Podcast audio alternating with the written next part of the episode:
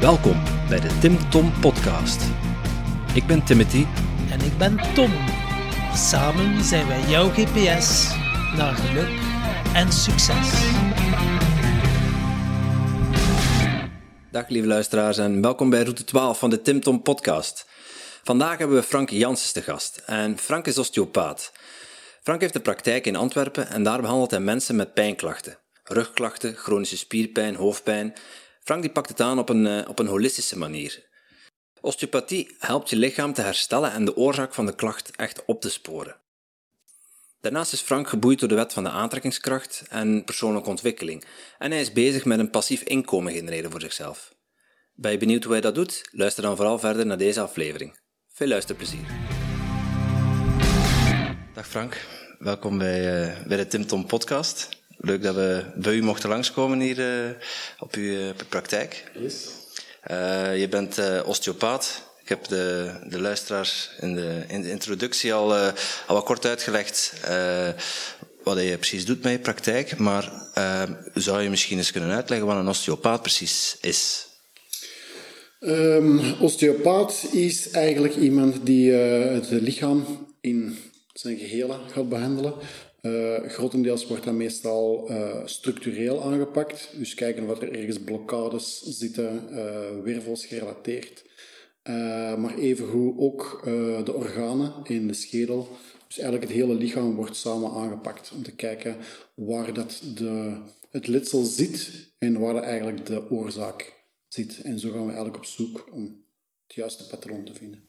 Okay. Ik kan me zo voorstellen dat sommige mensen denken, ja, een osteopaat dat is eigenlijk een, een kinesist voor de yogasnuivers of voor de spirituele mensen. Uh, misschien dat er mensen zijn die dat denken, dat kan, maar tegenwoordig hoort je toch in elk geval dat meer en meer mensen naar de osteopaat komen. Uh, grotendeels wat ik merk is uh, vaak via osteopathie, omdat je eerder je gaat sneller naar de oorzaak op zoek eigenlijk. En uh, mensen hebben vaker uh, sneller verbetering dan dat ze eigenlijk gewoon naar de kine of een andere therapeut gaan. Uh, dat merk ik zelf bij mijn patiënten wel, dat er veel sneller resultaat geboekt wordt. En dat ja, zorgt natuurlijk voor, als je goede resultaten hebt, dat verspreidt zich. En meer en meer mensen beginnen toch uiteindelijk de weg naar de osteopaat te vinden. En dus het verschil tussen een kinesist en een osteopaat is, jullie bekijken het holistisch. Dat betekent niet enkel het lichaam, maar je gaat ook op zoek naar emotionele blokkades. Of zie ik dat verkeerd? Die worden zeker vast ook mee, ja, uh, mee behandeld, afhankelijk van wat de problematiek is natuurlijk. Hè. Gaan niet alles aanpakken. Uh, als er echt iets ernstig aan de hand is, dan sturen wij die natuurlijk ook gewoon door. Maar uh, het is, zoals dat gezegd, holistische benadering. Dus alles wordt zeker in kaart gebracht. Ja, kijkende van waar dat komt. En, en, hoe pak je dat dan aan? Uh, want ik neem aan, uh, ik ben zelf rugpatiënt. Dus uh, stel, ik kom, ik kom bij u in de praktijk, eventueel mijn doorverwijzing. Ehm, en ik heb last van mijn rug. En ik kom bij u van Frank, help mij, ik heb last van mijn rug. Ja. Hoe pakte jij dat dan aan? Ik heb, ik heb geen, geen één stramien eigenlijk. Dus ik kan niet zeggen van ik zal u en u en u iedereen op dezelfde manier gaan behandelen. Het is een beetje de energie, de vibe, wat het er precies is. En uiteindelijk gelijk hetgeen wat wij nu doen. Ik begin met een gesprek te voeren. Wat is er precies aan de hand? Meestal de woorden in de taalgebruik uh, wat je mij gaat geven, geeft mij al wel een goed beeld van moet die of die kant eerder opgaan. En uh, van daaraf gaan we eigenlijk beginnen met een klinisch onderzoek. Even kijken waar kunnen we wat vinden. Um, en van daaruit gaan we ja, bepaalde stappen. En meestal is dat gewoon ja, afhankelijk van de zaken die ik tegenkom eigenlijk uh, bij u in uw lichaam. Um, gebaseerd daarop voel ik wel van wat de volgende stap gaat zijn. En dat kan daarom zijn dat je een type klacht hebt, maar dat uw behandeling totaal anders gaat zijn dan iemand anders die op zich wel dezelfde klacht zou uiten, maar dat de oorzaak ergens totaal anders zit eigenlijk. En kun je daar uh, een, voorbeeld van geven? Of, of twee, twee voorbeelden die zo extreem uit elkaar liggen, maar wel dezelfde klacht tot, tot een uiting hebben? Um, je merkt bijvoorbeeld soms mensen met uh, lage rugproblematiek dat kan gewoon zijn dat het bekken uh, scheef staat of dergelijke, dat er ergens iets geblokkeerd zit. Dat het van daaruit uh, op te lossen is. Maar het kan even goed zijn dat iemand uh, lage rugpijn heeft, maar dat er bijvoorbeeld ehm, een blokkade in de voet zit of zo van die zaken. Waardoor dat heel de biomechanica uit balans geraakt. En dan kun je wel gaan werken op die rug, maar zolang dat je dat voetprobleem bijvoorbeeld niet aanpakt, gaan de klachten blijven ja. dus iemand die met, eigenlijk met lage rugklachten naar een, een traditionele uh, kinesist gaat, uh, die wordt weliswaar geholpen aan zijn rug, maar dan vermoed ik dat dat veel langer gaat duren voordat ze in de gaten hebben dat het uiteindelijk uh, bij de voet ligt, de oorzaak. Het hangt er wat vanaf natuurlijk.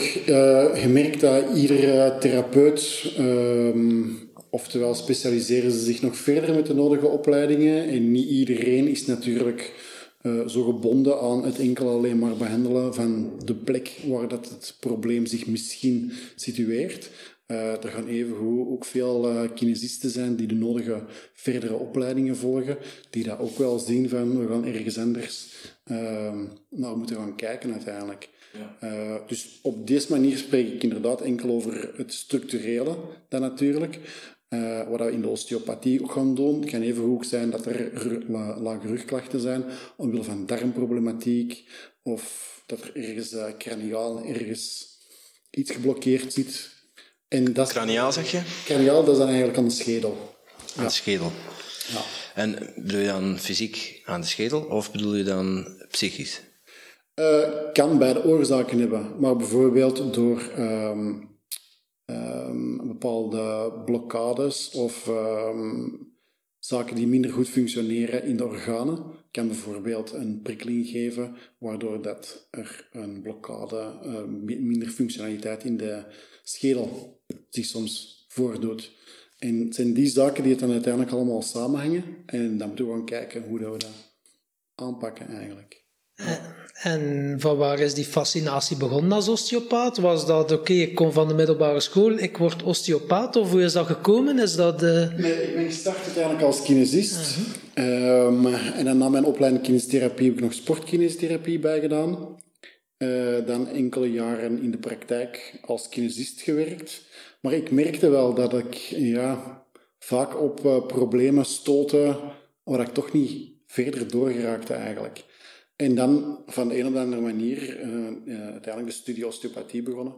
En ja, van daaruit merk je wel dat er vele andere zaken ook nog uh, kunnen aangepakt worden. En je kunt veel sneller resultaten boeken. Ja, dat is echt wel duidelijk geworden bij mij in de praktijk. Ja. En, en ja, je begint dan met fysiotherapie of, of, of kinesiotherapie. We, zijn, we hebben ook Nederlandse luisteraars die ja. moeten ook uh, een beetje helpen. Um, maar net die, ja, die fysiotherapie, uh, als je dat vergelijkt met uh, osteopathie, wat zijn dan de grootste verschillen daartussen? Ik denk, zoals hetgeen we straks gezegd hebben, het grootste verschil is dat in de uh, eigenlijk, ja, daar gaat je um, vaak eerder structureel en lokaal gaan werken, terwijl bij de osteopathie is het eerder holistisch, het hele lichaam eigenlijk, en je gaat echt effectief op zoek naar de oorzaak.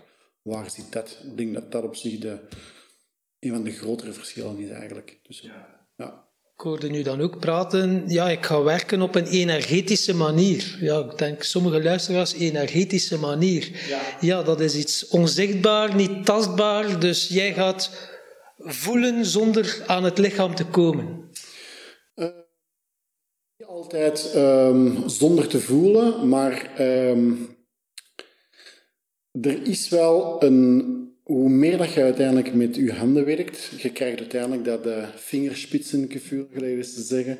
En um, uiteindelijk begint je wel te merken waar dat er energetische blokkades zitten en waar dat het beter vloeit, zal ik zeggen. Um, ik heb dat altijd gehad eigenlijk, vanaf dat ik met kine begonnen ben en dat ik met mensen werk.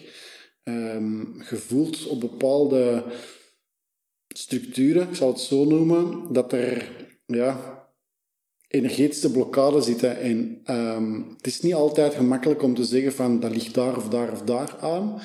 Um, maar door je daarvoor open te stellen, hetgeen wat je dan zelf doet uiteindelijk wel, merk je door het feit van dat ik die informatie krijg, um, kun je soms wel naar bepaalde inzichten komen bij mensen die dat ze zelf niet direct zouden aanhalen, zal ik zeggen. Ehm, bijvoorbeeld ehm, zaken die stressgerelateerd zijn of zaken die daar vroeger um, in de jeugd gebeurd zijn, trauma's die zijn blijven hangen, zaken die in de familie soms gebeurd zijn. Iets waar mensen mee bezig zijn, maar dat kan soms wel voor een energetische blokkade zorgen in het lichaam eigenlijk. En als je voelt dat die blokkade ergens zit, en je kunt die blokkade naar boven halen, soms al gewoon door een gesprek daarover te beginnen eigenlijk, kun je eigenlijk al een uh, emotionele release krijgen eigenlijk op dat moment, waar dat soms al een heel stuk van het probleem wegneemt. En ja, ik ben er nu helemaal niet in thuis. Ja, wel een beetje, maar is dat dan ook dat je dan het aura hebt en de chakras? Of gaat het bij jou zo ver niet? Dat je de, de kleuren ziet, zo van oké, dat is hier de, de, de stuitchakra en de zonnevlechtchakra. Nee, het is... Uh... Nee. Dus ik weet wel waar dat de chakras zitten en al die zaken. Ik zal die zeker ook wel er soms mee uh, in combineren. Maar hetgeen wat je dan aanhaalt van kleuren en zo, nee, dat niet echt. Nee, het is echt een, um, ja, een soort van gevoel. Ja. Een soort van gevoel. Je voelt het met je handen. Ja. Uh, voel je dat er ergens iets geblokkeerd zit? Dat is heel moeilijk om dat uit te leggen eigenlijk. Ja. Hoe dat, dat precies is, ja, Kun je, kun je dat leren of moet je dat, moet je dat in je hebben? Dat is een goede vraag. Weet ik eigenlijk niet. Bij mij is dat, uh, heeft dat er altijd wel ingezeten. Dus ik kan eigenlijk op dat moment dat vlak niet zeggen. Heb ik dat geleerd of niet? Ik denk door het meer en meer te doen en je er uiteindelijk wel voor open te stellen dat het er is, dat je dat toelaat en dat dat uiteindelijk zich meer begint te groeien en te manifesteren. Um, gebruikt iedereen dat? Weet ik niet. Ik denk dat niet. Nee, maar het is wel iets wat je ontwikkeld hebt, een vaardigheid die je ontwikkeld hebt en, en dus ja. Uh, ja. Ja, door hem vaker te gebruiken ook beter kunt toepassen op die manier. Ja. Dus als, als een beetje zoals een spier, als je die nooit gebruikt, dan kun je er niet zoveel mee, maar als je die goed traint, dan... Ja, ik leer er ook meer op vertrouwen, eigenlijk. De informatie die ik op die manier doorkrijg, die gebruik ik ook gewoon, eigenlijk. Ja, en vaak merk je zeker en vast dat er ja, verbluffende resultaten naar boven komen, soms wel. Ja. En is dat iets wat je als klein jongetje altijd al uh, gewild had? Om, uh, wist, wat, wat, was jouw droom vroeger als klein jongetje? Van ik wil met mensen werken, ik wil mensen helpen. Uh, dat heeft altijd wel iets in mij gezeten, maar ik had even ook, ik ben ook heel creatief aangelegd. Dus ehm, ik zou ook altijd wel iets, um, dingen maken en zo. Nou. Dat heeft ook altijd wel heel veel in mij gezeten. Um, maar ja, er is dan uiteindelijk um, na middelbaar bepaalde zaken gaan bekijken. Wat zijn de opties voor eventueel verder te gaan studeren? En de kine, die zat er zeker even vast bij. Met dan, uh, ja, ik heb op Sportkot in Leuven gestudeerd. Dus dat trok mij sowieso ook allemaal wel aan. En vandaar is eigenlijk het een van het andere gekomen. Dus vanuit die beweging, die activiteit. Ja. Uh, En nu maakt eigenlijk mensen ja. terug. Dat ze terug kunnen functioneren. Dat proberen we ja, ja, ja, inderdaad. Yes. Dat is mooi. Ja, zeker. We hebben nu ook nog een, een vraag voor jou. Dat is, uh, dat is dus een beetje het systeem hier in onze podcast. De vorige gast heeft altijd een vraag klaar voor de volgende gast. En zijn vraag was: uh, met welke figuur uit de geschiedenis zou je graag een keer een pint gaan drinken? Hmm, dat is een goede vraag. Um, als ik dan toch iemand zou mogen kiezen, dan zou ik uh, met Albert Einstein. Albert Einstein. Ja. Die lust wel een pintje, hè? heb ik begrepen. Ik denk dat ook wel. En, en waarom Albert Einstein? Uh, dat is bij mij eigenlijk gekomen wegens uh, de fascinatie dan over energie. Uh, Albert Einstein die heeft ook altijd wel heel wat studies en dergelijke gedaan over energie. Uh, je verder gaat, kwantumfysica en al die zaken. En um, ja, een van zijn uitspraken is er ook, als je wilt weten wat er allemaal aan de hand is, net zoals wat Nikola Tesla heeft gezegd, moet je toch denken in uh, tekens van energie, vibratie, frequenties. daar zou ik met hem wel eens een gesprek over willen hebben. Ja, wat zijn visie is. Ja, het is een, uh, dat? Een, een hoogstaand gesprek zou het sowieso worden. Yes. Uh, jij zegt energie, vibraties. Uh, we hadden het er net al kort over, over wat jij vindt van, van energie. Ja. Um, Einstein heeft natuurlijk vanuit uh, zijn relativiteitstheorie gezegd, alles is energie, alles mm -hmm. staat in verbinding met elkaar. Mm -hmm. um, wat is jouw kijk daarop? Heb je, deel, jij zijn, deel jij zijn mening daarover? Ja, ben er inderdaad van overtuigd dat alles, alles is eigenlijk gewoon energie. Als je uiteindelijk echt naar het uh, basis-basisniveau gaat kijken. Wat is voor jou basis-basisniveau? Ja, het, uh, het, het meest... Uh, het kleinste partikel. Ja, het rudimentaire. Ja, ja, ja. ja, als je dat uiteindelijk zou gaan analyseren, dan gaat je zien dat er eigenlijk energiepartikels zijn die dat vibreren op een bepaalde manier dat maakt dat deze tafel een tafel is. En alles waar wij ons in bevinden, heeft uiteindelijk een, uh, een materiële vorm gekregen, maar op zich is het eigenlijk allemaal energie. Ja. En dan denk ik ook automatisch vibratie op dezelfde frequentie zitten om dingen te manifesteren en soortgelijke dingen aan te trekken. Hoe pas jij dat toe in je leven? Of... Um, de manier hoe dat ik dat eigenlijk toepas, is uh, omdat als je kijkt, of ik ga ervan uit dat alles energie is, dus ik ben even goed ook energie waar ik uit besta. Uh, als je dan kijkt van wat er in je realiteit, in je buitenwereld eigenlijk aan de hand is, um, dat zegt eigenlijk iets over wat er in je binnenwereld bezig is. Omdat uh, het is een soort van reflectie van hetgeen wat er gaande is. Uh, de energie die dat je zelf bent, die moet in vibratie, in frequentie zijn met je buitenwereld. Dus als hetgeen wat er in je buitenwereld zich afspeelt, als je daar vragen over hebt, of uh, je bent misschien niet helemaal uh, tevreden met hoe dat bepaalde zaken gebeuren of zich manifesteren in je realiteit, in je buitenwereld, is het interessant om jezelf de vraag te stellen van, van waar komt dat eigenlijk? En als je dan op zoek gaat naar je binnenwereld, kijken welke vibratie en frequenties zich er daar eigenlijk afspeelt, en je begint daar aan te werken, gaat je sowieso zien dat je buitenwereld zich gaat aanpassen. Omdat dat trekt elkaar aan. Dus als er bepaalde zaken zijn die je wilt hebben, die je wilt manifesteren, eender wat het ook kan zijn, in je buitenwereld, in je leven, heb ik wel duidelijk geleerd en gemerkt dat als je die frequentie genereert in jezelf, in je binnenwereld, dan kan het niet anders dan dat dat zich in de buitenwereld gaat manifesteren. En heb je zo concrete tips voor onze luisteraars die dat boeiend vinden en die zoiets hebben? Ja, ik wil wel uh, soortgelijke dingen aantrekken die in mijn geest zijn ontsproten om dat hier te manifesteren. Uh, wat doe jij bijvoorbeeld? Wat is jouw uh, manier om dingen aan te trekken die je... Um, ik denk het belangrijkste voor mij is begonnen van, van, toen dat ik mijn pad met persoonlijke ontwikkeling gestart ben. Uh, dat je eigenlijk jezelf een vraag begint te stellen van wie ben ik en hoe zit ik in elkaar en wat zijn issues, waar ben ik mee bezig, wat zijn mijn gedachten en al die zaken eigenlijk. Als je daar al begint een analyse van te maken, dat verklaart meestal wel de realiteit waar je op dat moment in leeft. Um, en om mij daar verder in te gaan ontwikkelen, heeft me dat eigenlijk ertoe gebracht uh, dat heeft een, een, een, mentor mij echt wel geleerd. Um, het is belangrijk om je gevoel daaraan te koppelen, ook uiteindelijk. Want uh, je gevoel is eigenlijk de tussenschakel tussen hetgeen uh, wat je denkt en wat je eigenlijk wilt manifesteren in je realiteit. Je moet er het juiste gevoel aan koppelen met wat dat zich eigenlijk teweeg brengt.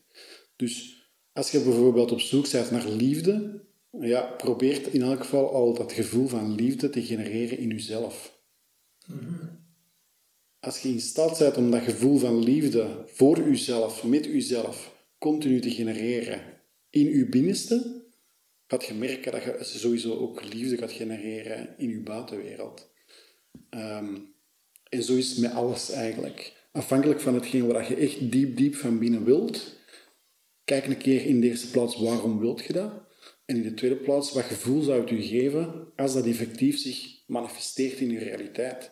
En als je dan doorhebt van, hm, dat zou mij dat gevoel genereren, en je gaat je concentreren op dat gevoel, dan gaat je zien uiteindelijk, met verloop van tijd, dat dat effectief in je realiteit gaat opdagen. Dus, dus samengevat zeg je eigenlijk, stel jezelf een doel, koppelt daar een emotie aan en wacht dan geduldig af. Ehm, ja, probeer die emotie te beleven. Dus het is niet dat je een keer weet van dat is de emotie die eraan gekoppeld is, maar probeer al in die emotie, die emotie, die, in die emotie te Om die te ervaren vanuit, vanuit je binnenste. En ehm, hoe zou je dat dan ja, kunnen, kunnen aanpakken? Stel onze luisteraars nu uh, denken van, ja, ik, heb, ik heb eigenlijk wel, uh, ben eigenlijk nogal op zoek naar een nieuw lief. Uh, zelfliefde, hoe begin ik daarmee?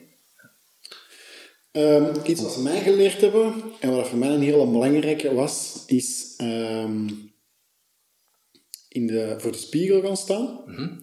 en uh, tegen uzelf de woorden, ik zie u graag zeggen. De eerste keer dat je dat doet, dan denk je, mm, heel vreemd. Ik ken even goed veel mensen tegen wie ik dat gedeeld heb, ja. die zeggen van, nee, dat kan ik niet. Die kunnen niet in de voor de spiegel gaan staan en effectief tegen zichzelf zeggen, ik zie u graag. Gewoon ook gemeend. Ja, ja, ja. gemeend natuurlijk. Gemeend sowieso, de eerste keer dat je dat doet, ja, gaat dat direct gemeend zijn. Je wilt dat misschien wel, maar daar gaat toch iets aan gekoppeld zijn. Dat is een beetje onwinnig en al die zaken. Hoe vaker dat je dat begint te doen, je begint dat uiteindelijk daar een, een gewoonte in te creëren, zal ik zeggen. En uh, op die manier, dat is eigenlijk iets wat mij veel geleerd heeft om um, zelfliefde meer en meer te gaan genereren eigenlijk. Ja. ja. Dus jij staat elke ochtend voor de spiegel, ik zie, ik zie u graag. Dat is zeker niet alleen in de ochtend, ja, maar dat kan eender waar zijn.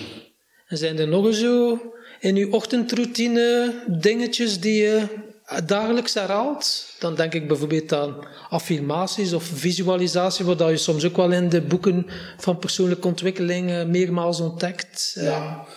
Um, ik probeer dat, ik, ik heb dat wel een tijd geprobeerd, maar ik heb gemerkt dat dat niet echt uh, succesvol was, zal ik zeggen. Um, de reden waarom, um, je moet er een soort van structuur en planning in maken, om dat dan echt wel gewoon te worden. En hetgeen wat bij mij niet werkte, was, je zegt dat tegen jezelf, bepaalde affirmaties, maar uh, die komen niet altijd over als zijnde waarheid. En ergens heb je toch nog altijd een prikkel of een geloof zeggende van... Ja, ik vind het toch vreemd om dat te zeggen eigenlijk, en dat klopt niet altijd helemaal. Nu, wat is mijn oplossing daarvoor gevonden, uh, geweest eigenlijk? Um, dat je, uh, er zijn genoeg audiobestanden en dergelijke te vinden, dat iemand anders die affirmatie spreekt tegen u eigenlijk. Um, en dat eigenlijk proberen zo vaak mogelijk af te spelen of te horen. Bijvoorbeeld, um, ik, hoor, uh, ik luister nog maar heel weinig naar de radio als ik in de auto zit. Maar ik speel audiotunes af met daar affirmaties op over mij en dergelijke. En hoe meer dat je onderbewustzijn, dat ook, je kunt met andere dingen bezig zijn. Het is niet dat je daar continu naar moet luisteren, maar je onderbewustzijn die vangt dat wel op. Ja, de Tim Tom podcast is ook nog goed voor in de auto uh, te luisteren. Voilà. Ja, je onderbewuste gaat niet weten wat dat doet. Ja. maar, dus, dus, dus heel veel herhalen, dingen uh, ja, u, u, voor uzelf herhalen. Uh, goed, affirmaties werken niet helemaal voor u. Nee. Kan misschien. Ja. Ja. ja. Ik kan mij daar ook in vinden. Uh, ik heb het ook geprobeerd met. Ik heb ook geëxperimenteerd met affirmaties. Dus nu weer even zo. Dat gaan ze mij op, ups en downs. Mm -hmm. wat mij zelf wel geholpen heeft, is om ze.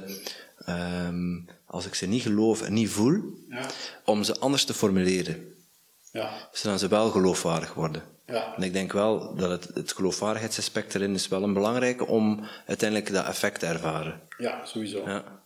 Sowieso. Dus dat is, eh, is misschien ook nog een tip. En ja, het is inderdaad ook wel een goeie om gewoon anderen iets te laten inspreken of ja, affirmaties. Van ze bestaan, eh, op, op, als je op Spotify kijkt, eh, kunnen ook kunnen zo 10, 20 verschillende affirmaties eh, van 5 minuten tot, tot een half uur kunnen horen. Ja. En als je dat maar vaker nog herhaalt, zeg je, dan gaat je onderbewustzijn ermee aan de gang. En dan gebeurt er iets. We bedoelen dan op energetisch niveau? Of wat wat zijn uw ervaringen daarmee? Sowieso ook op energetisch niveau, maar eigenlijk... ehm, ja, Tom, denk ik, met je hypnose-ervaring, je zult dat wel weten, dat eigenlijk ehm je, je onderbewustzijn, dat stuurt ongeveer voor 95% je leven. Wij denken dat we zelf ons leven niet onder controle hebben, maar dat is eigenlijk maar 5%. hè. Het echte bewustzijn en het echte denken wat wij zelf hebben. Uiteindelijk, je onderbewustzijn dicteert wat dat jij mag zien met je zintuigen. Ja. Ik heb altijd tijdens mijn persoonlijke ontwikkeling heb ik dat zo ervaren dat ehm je onderbewustzijn is een, eh, een grote harde schijf. En daar zijn programma's op geïnstalleerd in de eerste zeven jaar van je kindertijd eigenlijk. En die spelen zich continu terug opnieuw af. En als je iets wilt gaan veranderen, echt in je leven, drastisch bij wijze van spreken, is het belangrijk dat je eerst en vooral, wat ik daar straks zei, van probeer de vraag te stellen, wie ben ik? Met name bedoelende van, wat staat er eigenlijk op mijn harde schijf? Welke programma's worden er eigenlijk continu afgespeeld? Als je weet welke programma's dat er continu afgespeeld worden, dan kun je gaan proberen om die programma's te gaan herschrijven eigenlijk. Eer alleen dat je dat programma hebt herschreven, heeft natuurlijk wel wat tijd nodig. Maar ehm, stel bijvoorbeeld eh, iets waar heel veel mensen vaak wel eh, door hun geest krijgen, is het geloof van ik ben niet goed genoeg om dit of dat of dat te doen. Ja, een belemmerende gedachte. Belemmerende gedachten. Als je dat, ehm, datzelfde verhaal dat altijd naar boven komt, want meestal is dat ergens aangekoppeld wel, waarom dat je gelooft dat je niet genoeg bent voor iets of zo. Ehm eer dat je dat geloof op pauze hebt gezet en delete en een nieuw verhaal hebt gestart, heb je wel heel wat ehm, ja, soort van affirmaties of een ander geloof nodig eigenlijk, eer dat dat herschreven gaat zijn. Dus daarom geloof ik wel dat ehm, herhaling dat dat heel belangrijk is. Maar eh, wat gaat je herhalen? Probeer eerst te weten van wat het programma is dat er op je schijf staat en hoe wilt je dat programma herschrijven. En als je weet hoe dat het moet herschreven worden, laat dan dat nieuw verhaal continu afspelen, bij wijze van spreken. Het is een beetje Geleidelijk aan wordt dat wel. die overtuigingen herevalueren. Van ik ben niet goed genoeg, dat is een overtuiging. Kan je jezelf bijvoorbeeld de vraag stellen wie zegt dat? En hoe weet je dat? Dus dat zijn wel vragen om dieper te kunnen graven uiteindelijk voor die overtuigingen eh, naar boven te halen. En ook het definiëren van oké, als je bijvoorbeeld zegt ik ben niet goed genoeg, eh, ja, gaan ontdekken waarom dat je niet goed genoeg bent, wat dat jouw definitie is van niet goed genoeg. En. Van waar komt dat? van waar komt dat? Ja. Ja. Ten slotte bepaalt dat eh, je gedrag en de resultaten die je behaalt in je leven. Ja, klopt. En dat is dan voor mij de grote insteek geweest van persoonlijke ont- ontwikkeling, om eigenlijk ja, te gaan analyseren van wat staat er op mijn harde schijf eigenlijk en wat wordt er continu afgespeeld. En die persoonlijke ontwikkeling, was dat gelijklopend of gelijktijdig met je opleiding osteopaat, of was dat vroeger of later? Nee, dat is later gekomen. Ja. Hoe lang ben je nu bezig met persoonlijke ontwikkeling? Ehm, ik denk ongeveer 2000, van, sinds 2015 ben ik daarmee begonnen. Ja. Ja, stilaan. Dus eh, een goede vijf jaar. En hoe is dat precies gekomen? Was dat door een gebeurtenis in je leven dat je dacht, of... Ja, dat heeft eigenlijk eh, op eh, relationeel vlak heeft er iets mee te maken gehad. Eh, zaken die dat gebeurden, waar ik toch eigenlijk ik begin nu vragen te stellen van hm, wil ik dit wel op deze manier en al die zaken. Ehm, en ja, ik denk toen eigenlijk in 2015 eh, emotioneel heel diep gezeten. Eh, en dan mezelf vragen beginnen te stellen van, van waar komt dit eigenlijk? Ehm, en dan geleidelijk aan het pad van de persoonlijke ontwikkeling beginnen opgaan. En hoe meer dat je dan uiteindelijk ehm, antwoorden krijgt waarom dat bepaalde zaken gebeuren en dat bepaalde zaken zich op die manier gemanifesteerd hadden eigenlijk, ehm, ja, dan heb ik uiteindelijk wel veel veranderingen kunnen doorvoeren. Um, uiteindelijk is uh, die relatie dan ook stopgezet, wat dat ook uiteindelijk moest gebeuren. Um, en van, sinds dan is eigenlijk, ja, dan was bij wijze van spreken de vrijheid daar om er volledig voor te gaan, voor uh, de persoonlijke ontwikkeling. En sindsdien is eigenlijk alles ja, in een uh, grote versnelling gekomen. En uh, de afgelopen twee, tweeënhalf jaar toch heel veel zaken. Die... Hoe heb je dat dan gedaan? Waren dan massa's boeken beginnen lezen of seminars? Of wees je grootste voorbeeld of inspiratiebron? Of heb je... in het begin was het eigenlijk boeken. Ehm, maar ik ben er wel van overtuigd, iedereen heeft een beetje zijn eigen pad. Dus soms bijvoorbeeld als mensen aan mij vragen van hoe zijn jij begonnen? Ja, ik kan wel zeggen wat dat mijn boeken waren die ik heb uh, gevonden. En die zijn? En wie is de top drie van uw boeken, als je dat met de luisteraars wil delen? De boek die... Uh... Dat is een goede vraag. Ehm, als het echt boeken zijn... Uh, denk ik dat ja, de grootste is uh, uiteindelijk van Napoleon Hill. Maar dat is dan niet echt... Ja, dat is ook wel persoonlijke ontwikkeling. Welke? Die is later gekomen, van Think and Grow Rich. Mijn favoriet, ja, ja, ja. Maar hoe dat uiteindelijk begonnen is... Ja, dat waren eigenlijk uh, boeken over... Um, oh, nu vraag mij iets. PRI. Um, ja, dat heeft dat toen veel te maken met... Um, emotionele triggers en dat je eigenlijk begint te achterhalen waarom dat je op bepaalde manieren reageert. Uh, ik kan niet direct meer op de naam van de boeken komen, maar op die manier ben ik wel in elk geval gestart. Om uh, dat je een inzicht begint te krijgen van waarom reageert je op bepaalde manieren. Mm PRI? Ja, PRI, dat is een bepaalde um, therapie ook hoor, die wordt toegepast uh, door de schrijfster, maar kan nu niet direct ehm, op de naam komen. Maar ik weet door haar boeken toen uiteindelijk wel, uh, zijn er veel puzzelstukjes in elkaar beginnen te vallen. Dat uh, bij mij eigenlijk de aanzet toen heeft gegeven om verder te gaan in de persoonlijke ontwikkeling. Uh, de, ja, de, de, zaken die bij haar toen in haar boeken naar boven kwamen, van alles komt ergens van een conditionering. De zaken die meestal gebeuren, dat zijn triggers en je gaat terug naar een emotie die je vroeger hebt beleefd. En er zijn meestal nu triggers die daar eigenlijk die emotie van vroeger terug naar boven halen. Ja. En als je op die manier allerlei zaken begint te koppelen aan elkaar, ja, dan krijg je een heel andere visie op hoe er eigenlijk alles in elkaar past. En vandaar is heel mijn pad begonnen. Uh, gewoon beginnen te zoeken hoe dat bij mij alles in elkaar klikte. En bij mij waren die boeken dan hetgeen wat ik nodig had om alles te doen starten. Um, ja, hetgeen wat ze tegen mij ook altijd gezegd hebben, en ik ben het daar helemaal mee eens. Um, de boek die dat je moet lezen, die zal wel op je pad komen. Boeken ja, vinden ja. u meestal wel.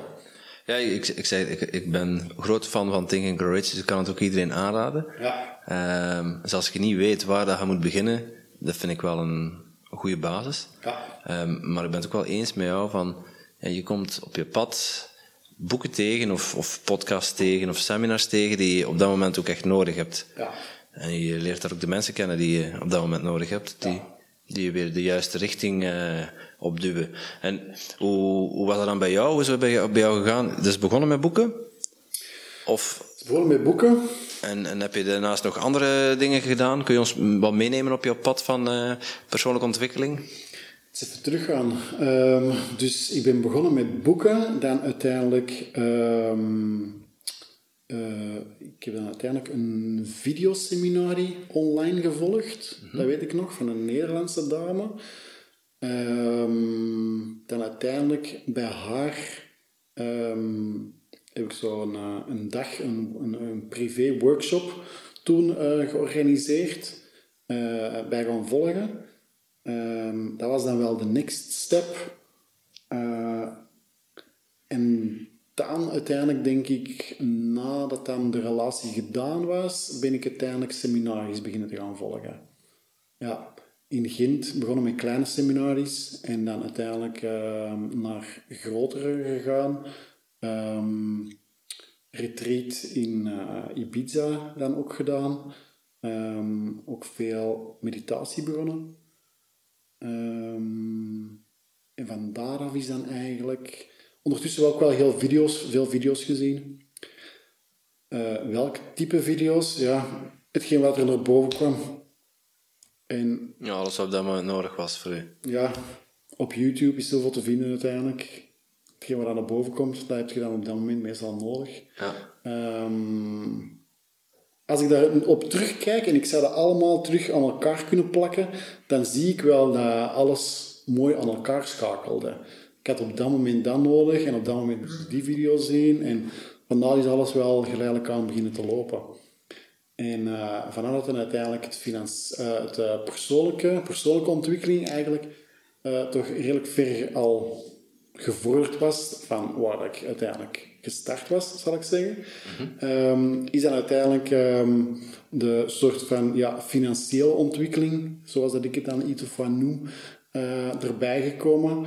Uh, dat is dan eigenlijk een combinatie van uh, ja, personal development en dan ook hoe denk je over financiën eigenlijk. Ja. Dus je nieuwe manieren geven over hoe dat je met geld moet omgaan. Omdat niemand leert, leert dat eigenlijk hè, in de huidige maatschappij. Uh, in het gewone onderwijs, dat wordt niet naar boven gebracht hoe dat je met geld moet omgaan en al van die zaken. Nee, nee ja, ik denk dat er een, een, opvoed, een opvoedkundige taak is misschien. Ja, hetgeen wat ik uiteindelijk daar wel van geleerd heb, is, uh, je krijgt dat ook uiteindelijk mee van thuis uit natuurlijk. Ja. Uw ouders die willen nu het beste meegeven van hoe dat ze het uiteindelijk geleerd en ervaren hebben. Um, het is sowieso altijd wel leuk en interessant om te gaan horen hoe dat iemand anders het eens gedaan heeft. En dat je je daarvoor openstelt en dat je misschien denkt van, hmm, is misschien ook een optie om het op die manier te proberen. Um, en die mensen die hebben mij toch wel de ogen doen openen van op die manier kan het eigenlijk ook. Ja. En um, iemand anders zal dat niet zo snel tegen u zeggen. Hoe en, dat, dat moet. Bedoel je dan je beeldvorming rond rond geld? Of... Beeldvorming over geld, uh, waar vaak blokkades zitten, die je uiteindelijk ook tegenhouden. Als je weer niet weet van wat mijn blokkades zijn, kun je er ook niet aan gaan werken, aan die blokkades. Kun je daar een voorbeeld van geven? Um, uh, een blokkade vaak is bijvoorbeeld van... Um, um, wat is iets? Uh, dat je bijvoorbeeld denkt van, wat gaan mensen van mij denken? Als ik bijvoorbeeld in een andere financiële situatie zou zitten. Mhm. Dat is weer zo'n gedachte, maar dat kan soms wel een blokkade zijn. Um, bijvoorbeeld, veel mensen hebben over, als je dan over het financiële aspect, um, die dat geld bekijken als iets wat slecht is. Mensen die veel geld hebben, die hebben dat meestal enkel alleen maar verkregen op een niet zo goede manier. Dat zijn zo vaak dus, uh, Zaken die geloven, die daar ergens aan gekoppeld daglicht niet mogen zien. Ja. En op die manier, als je doorhebt van wat dat u gelooft is eigenlijk, of meerdere geloven, kun je er eigenlijk aan gaan werken van ja, waarom heb je dat eigenlijk? Is dat effectief wel zo? Is het eigenlijk altijd zo dat mensen die veel geld hebben, dat die daar minder goede dingen voor gedaan hebben? Um, en dat heeft wel ja, veel blokkades bij mij weggenomen.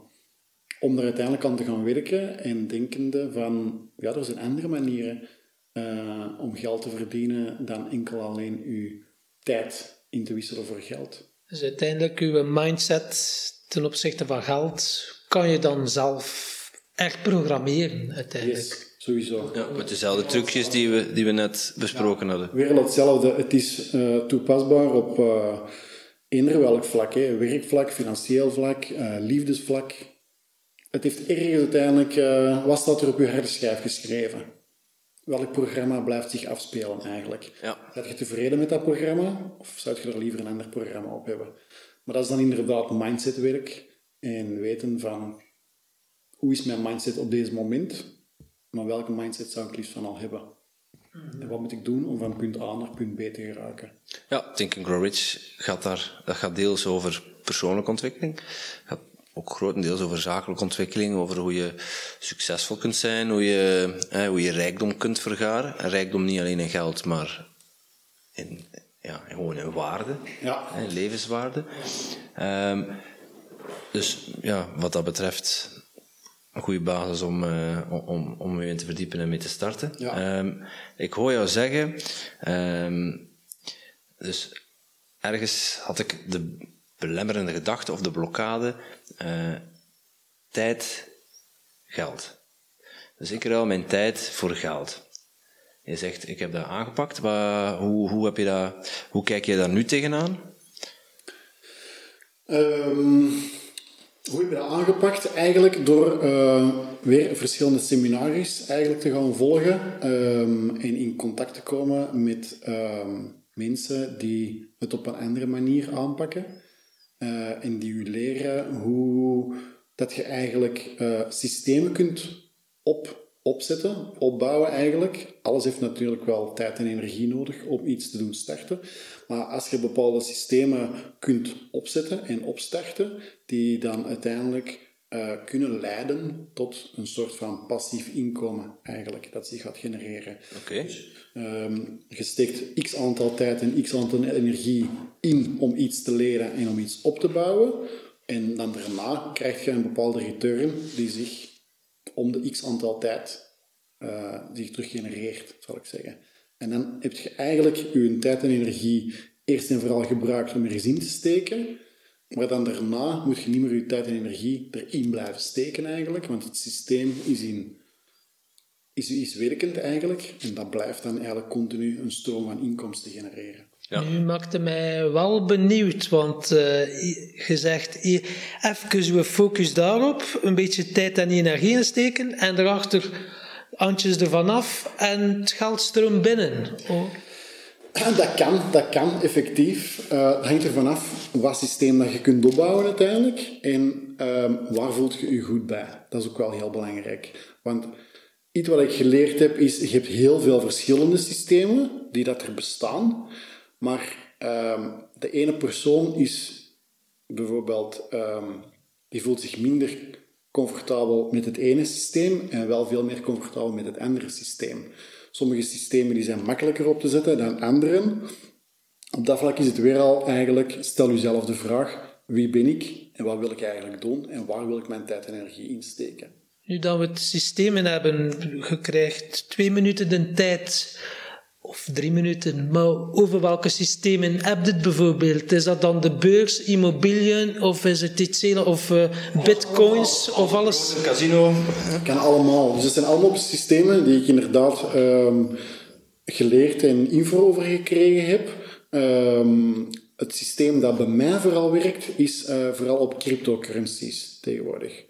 Uh, dus daar heb ik heel veel. Um, momenteel denk ik dat daar uh, ongeveer een drie of viertal systemen opgebouwd zijn, waar ik nog wel continu aan verder blijf bouwen, zal ik zeggen.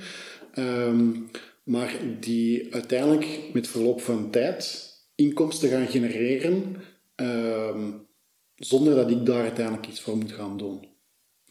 Bij mij is dat iets, uh, dat is een wereld die daar iets uh, meer dan een jaar geleden is opengegaan. Dat fascineert mij. Um, cijfers, dat ligt sowieso wel helemaal in mijn ding. Ik zit graag met cijfers bezig. Dat is nu iets dat ik niet zou verwacht hebben van een osteopaat. ik, denk dan eerder aan een, ik denk dan eerder aan een boekhouder, maar het kan... Ja, uh... maar hoofdrekenen in het lager, dat was altijd al uh, een van mijn favoriete zaken.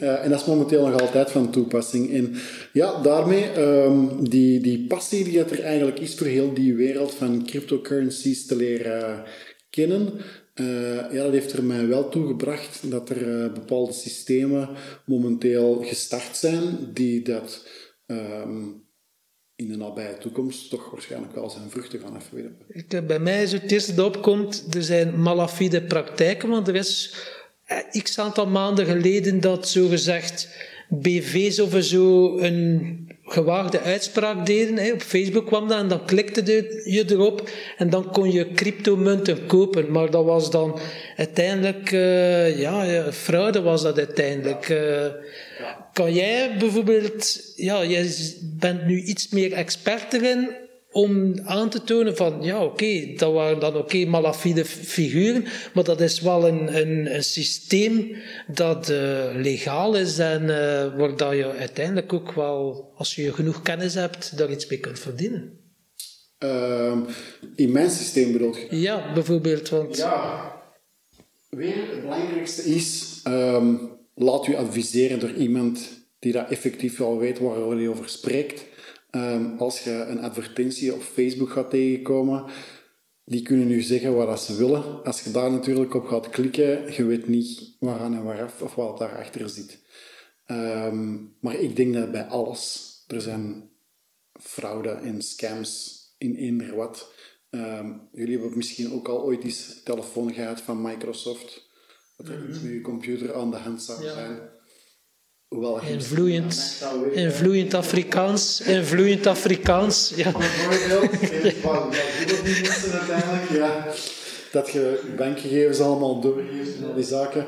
Dus uh, het is zeker en vast niet alleen in de crypto-wereld dat dat gebeurt. In eender welke um, systemen of toepassingen of alles in het leven. Kan er altijd wel personen zijn die je proberen uh, ja, te frauderen of wat te doen. Uh, ik het beste advies, denk ik, dat je daarvoor kunt geven, is probeer even twee keer na te denken van, klopt dit wel?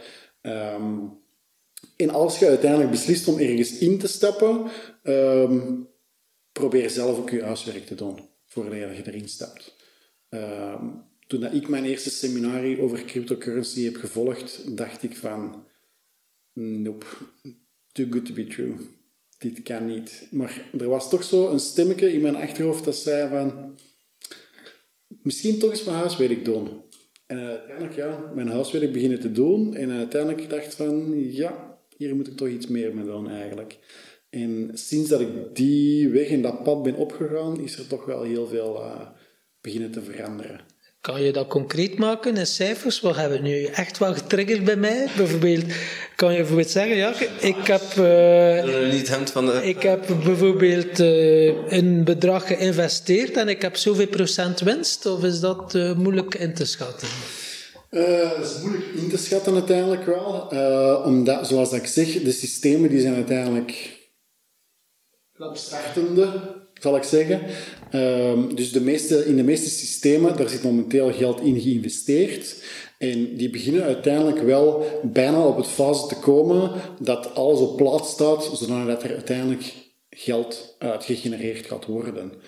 Um, als dan er uiteindelijk een return gaat zijn, ja, ik durf er eigenlijk geen percentage plakken. Um, het, het zal veel zijn, effectief, dat wel. Uh, dus het is iets totaal anders dan dat je bijvoorbeeld 3 of 5 procent krijgt uh, van de bank. Op de bank. Ja. ja. Maar het gaat, je hoopt dus op financiële vrijheid. Uh, ik ben er zeker van dat dat gegenereerd gaat worden. Ja. De hoop is bij mij, die is al geklasseerd. Ja, we zitten nu ook in de Volhardingsstraat, dus uh, dat is...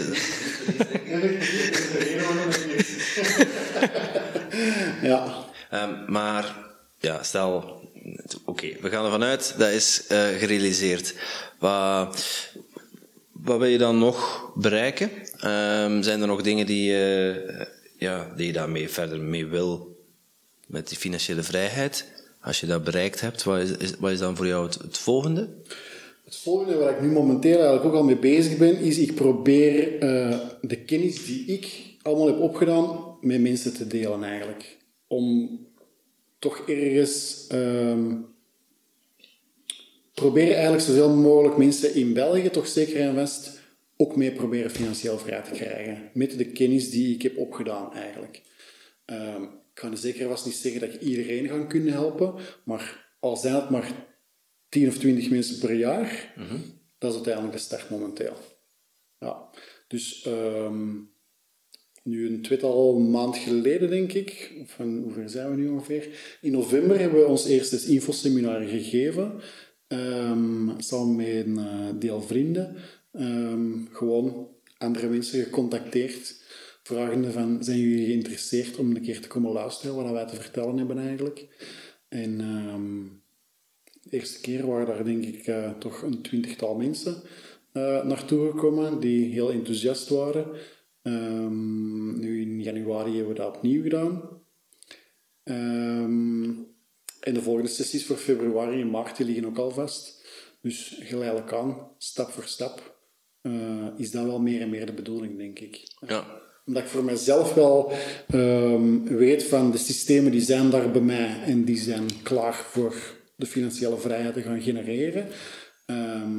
en wat kan ik nu uiteindelijk nog verder doen? Ja, de kennis delen eigenlijk.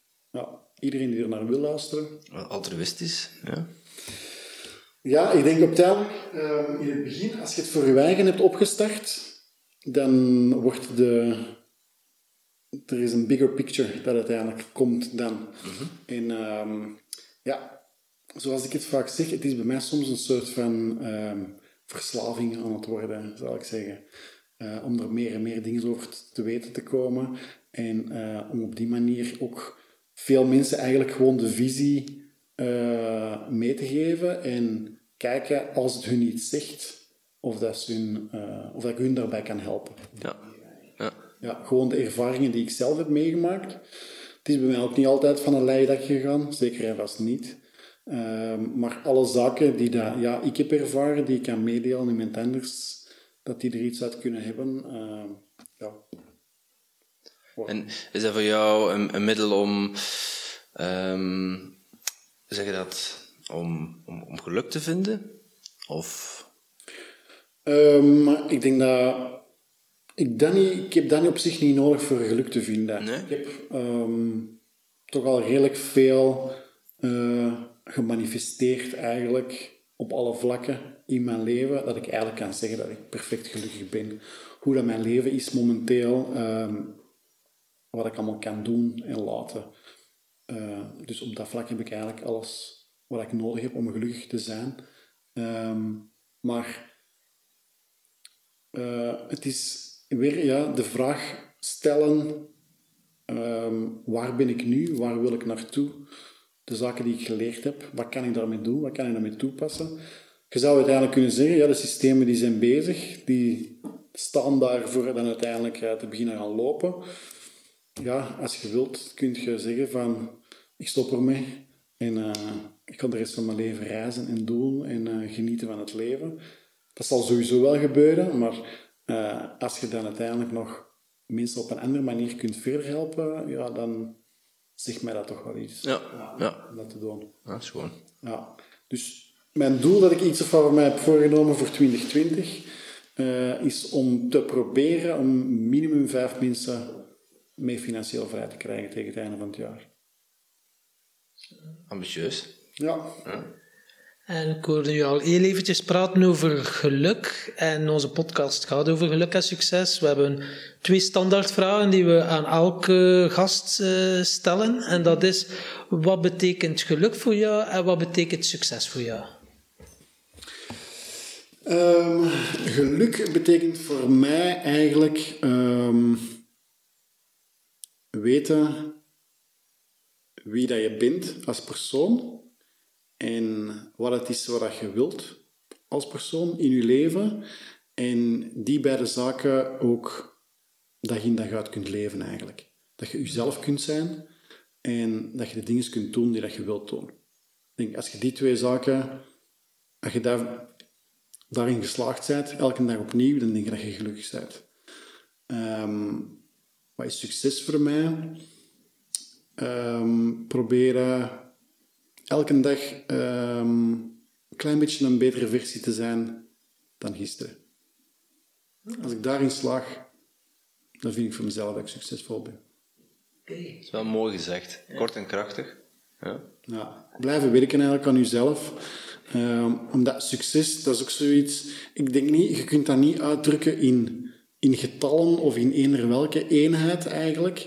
Um, Maar zolang dat je aan jezelf iets voor blijft werken, al is maar een fractie dat je een betere versie bent vandaag dan dat je gisteren was, dan denk ik dat je al succesvol bent. Ja, ik, ik wil jou zeggen, geluk, uh, tevreden zijn met wie je bent, uh, weet wie, wat je wilt. Uh, dus je betrekt het heel erg, je spiegelt het heel erg naar, naar binnen. Ja. Um, wil je daarmee zeggen, van iedereen die geluk buiten zichzelf zoekt, veel plezier, maar je gaat het nooit vinden? Ja. Daar ben ik van overtuigd. Ik hoorde nu ook zeggen, gaan onderzoeken wie ben je en wie is Frank Janssens. Heb je al antwoord op die vraag? Weet jij wie dat je bent? Um, ja, zo moeilijk om dat eigenlijk in een paar zinnen samen te vatten. Hè. Maar wie ben ik? Um, ik ben op, op zich uh, ik ben iemand rustig, rustig van inborst. Um, af en toe uitbundig en extra energie is zeker vast ook wel aan mij besteed. Als je dan eerder naar het energetische aspect gaat kijken, je hebt het, uh, de vrouwelijke energie en de mannelijke energie. Um, bij mij is er veel meer vrouwelijke energie aanwezig. Uh, dus zolang dat ik meer in die energie ga, dan voel ik mijzelf ook het gelukkigst eigenlijk. Relax, zin. En als ik die kant op ga, dan vloeit alles ook gewoon in mijn leven, helemaal. Als je soms um, probeert mee te gaan in um, meer dan dat doen en uitbundigen, meer de mannelijke energie, zal ik zeggen, dan voel ik aan mijzelf ook dat dat niet hetgeen is wat in mij aanwezig wilt zijn. Af en toe voor korte tijd kan ik daar wel in gaan en soms is dat ook nodig om bepaalde acties te ondernemen. Maar uh, in het algemeen is het wel eerder die rustigere en vrouwelijkere energie waar dat ik mijzelf graag in bevind. En uh, hoe, hoe ervaar je dat? Ik, ik, ik, weet niet of, ik weet niet of er mensen zijn die zich daarin kunnen vinden, in, van vrouwelijke energie, mannelijke energie. Mm -hmm. uh, hoe, hoe manifesteert dat zich in, in, in een lichaam en hoe, hoe ervaar jij dat dan? Uh, ik denk dat het uh, belangrijk is um, dat je terug jezelf gaat analyseren, de vraag stellen: waar voel ik mij goed bij eigenlijk? In welke situaties voel ik mij goed? Um, hoe meer dat je terug in contact komt met je gevoel, uiteindelijk gaat je intuïtie, je buikgevoel, gaat u uiteindelijk wel zeggen: in dergelijke situaties voel ik mij prettig en helemaal in mijn element steek mij in een andere, totaal tegenovergestelde situatie. En uw cellen, uw energie, uw buikgevoel zal wel tegen u zeggen: Nee, dit is toch niet helemaal mijn ding. Nu, um, nu triggerde wel een vraag bij mij, want nu denk ik spontaan: oké, okay, ons reptielenbrein dat wil altijd comfort en veiligheid. Dus dan heb je de comfortzone, ja. iets dat uit je comfortzone ligt. Dat geeft een onprettig gevoel maar er zit dan ook wel de meeste groei in. Hoe maak jij dan het onderscheid? Want je, om, om te groeien moet je wel uit die comfortzone. En dan dingen die je voor de eerste keer doet, daar zit heel veel weerstand op. Hoe maak jij dan het verschil? Uit de comfortzone gaan moeten sowieso doen. Dat heb ik afgelopen jaren ook heel veel gedaan. Maar voor mij is het vooral de manier waarop dat je uit die comfortzone gaat. Als je weet in welke energie dat je je het liefst bevindt, eerder in de vrouwelijke, eerder in de mannelijke energie? Zijn er dan eerder in rustigere energie of eerder in uitbundigere energie? Um, als je de juiste energie kiest um, waar dat je mee uit je comfortzone gaat, dan gaat je ook sneller slagen in dat aspect, zal ik zeggen. Um, een van mijn grotere challenges is om uiteindelijk ook uh, bijvoorbeeld met mijn lezingen en infosessies te geven, spreken voor andere mensen, groepen mensen en al die zaken. Um, als ik dan uiteindelijk gezien heb in al de seminaries die ik gevolgd heb, vaak heb je daar sprekers die daar heel uitbundig uh, op het podium staan en ja, in heel veel energie, dat is dan heel veel uh, mannelijke energie vaak zitten. Um, als ik in die energie ga, dan zegt mijn lichaam: nee, dat is niet de juiste energie om in te zitten. Als ik voor een groep mensen ga praten en mijn uitleg doe en ik bevind mij in mijn rustigere energie, dan vloeit dat gelijk dat het precies niks is. Dus dat is hetgeen wat ieder uit geleerd van je kunt wel uit je comfortzone gaan, dat moet ook zeker was doen, maar elke keer als je dat doet, gaat je weer aan jezelf werken en een stukje een betere versie van jezelf worden, bij van spreken. Dus als ik het kan samenvatten, ontdekt eerst wat dat de juiste energie is voor jou en ga van daaruit gaan manifesteren en dingen gaan uitproberen en gaan ontdekken. Ja, ja. Het mag wel ongemakkelijk voelen, sorry. Ja, ja nee. zeg maar. Nee, de kern gaat weer zijn van wie, wie, wie, wie ben ik eigenlijk. Hè? Ja, daar komt het eigenlijk altijd terug naartoe. Als je jezelf de vraag stelt wie ben ik en waar voel ik mij prettig bij, in die zaken die je uiteindelijk tegenkomt, pak dan mee naar al de rest wat je uiteindelijk wilt creëren. Remco Klaassen zou zeggen, een mentor, eh, zou zeggen, eh, waar ga je van kwispelen? Ja, ja. Zo. Ja. Wat ja. moet je goed bij? Dus, dus wat jij zegt van, uh, ja, ik voel mij, hier, hier, voel ik mij niet goed bij. Dat wil niet zeggen van, buiten je comfortzone. Dat voelt in eerste instantie ook niet goed, maar het kan zijn dat je daar wel energie van krijgt.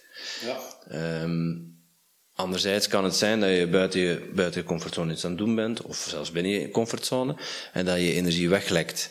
Ja. En, en dat is dan eigenlijk het verschil wat, jij, wat je nu probeert aan te geven, of uh, zie ik het verkeerd? Ja, uh, gevoel is soms heel moeilijk om uit te leggen natuurlijk. Hè. Um, ik denk dat... Het vervelende van een gevoel, hè? Ja. ja. nee, waarom? Ik kan wel spreken over mijn gevoel, maar ik kan dat niet toonbaar maken of zoiets. Um, dus probeer ja, ehm, te analyseren waar dat je prettig bij voelt. Ja. En in welke situatie voelt je je prettig? En in welke situatie ja, zou je het liefst willen vertoeven eigenlijk? In welk type energie?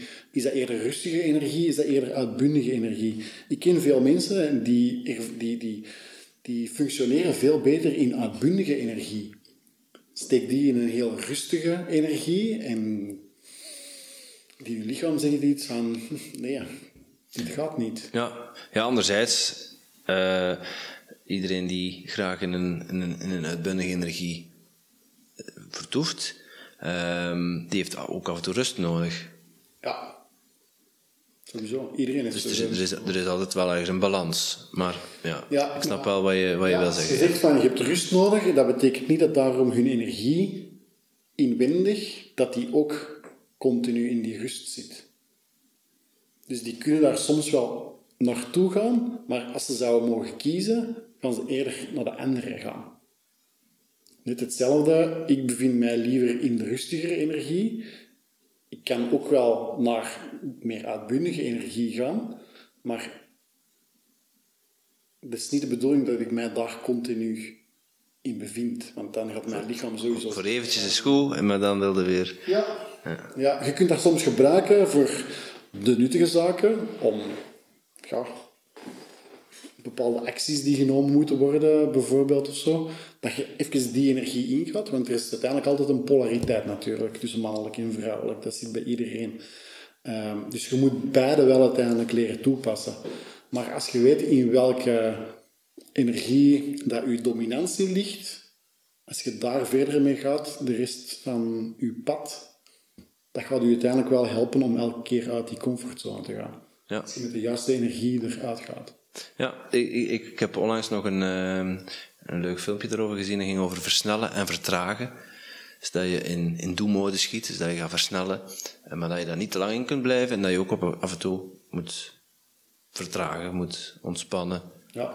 Uh, en daar de ruimte voor moet geven aan jezelf. Niet te streng zijn. Ja. En dat is wat ik, een beetje wat, wat ik jou ook hoor zeggen. Dat is dan eerder actie nemen en geen actie ondernemen. Maar...